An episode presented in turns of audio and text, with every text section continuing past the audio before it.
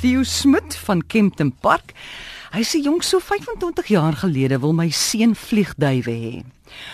Ons bou toe nou maar 'n hok en al wat kort is die duwe. Ek bel 'n oud kollega, kom ons noem hom Frans. Wat ek weet gereeld aan vliegkompetisies deelneem. Sekerlik sê Frans, hy sê hy moet van tyd tot tyd van sy minder suksesvolle duwe ontslaa raak. Frans skenk toe vir ons 6 duwe met die opdrag dat ons hulle nooit mag vrylaat nie. Sou ons te doen, sal hulle net na hom toe terugvlieg. Maar my seun kan natuurlik hulle kinders laat vlieg.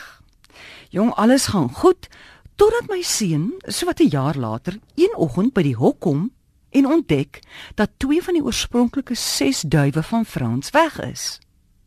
Voordat hy skool toe gaan, vra hy dat ek tog asseblief vir Frans moet skakel om te hoor of die duwe terug is by hom. Ek vergeet so rukkie daarvan, maar 10:00 daai oggend val dit my by. Ek skakel Frans se nommer en sy vrou antwoord en ek vra om met Frans te praat. Jongen, ek kry nou nog hoendervleis as ek terugdink aan haar woorde. Al wat sy gesê het was: Frans is dood en hy word nou 11 uur begrawe.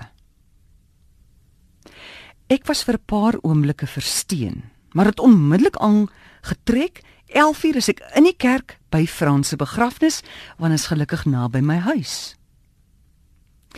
Na die begrafnis toe ek by die huis kom, sit die twee verlore duwe doodluiters op die duiwehok se dak. En weet jy almore, tot vandag toe weet ons nie hoe hulle by daai hok uitgekom het nie.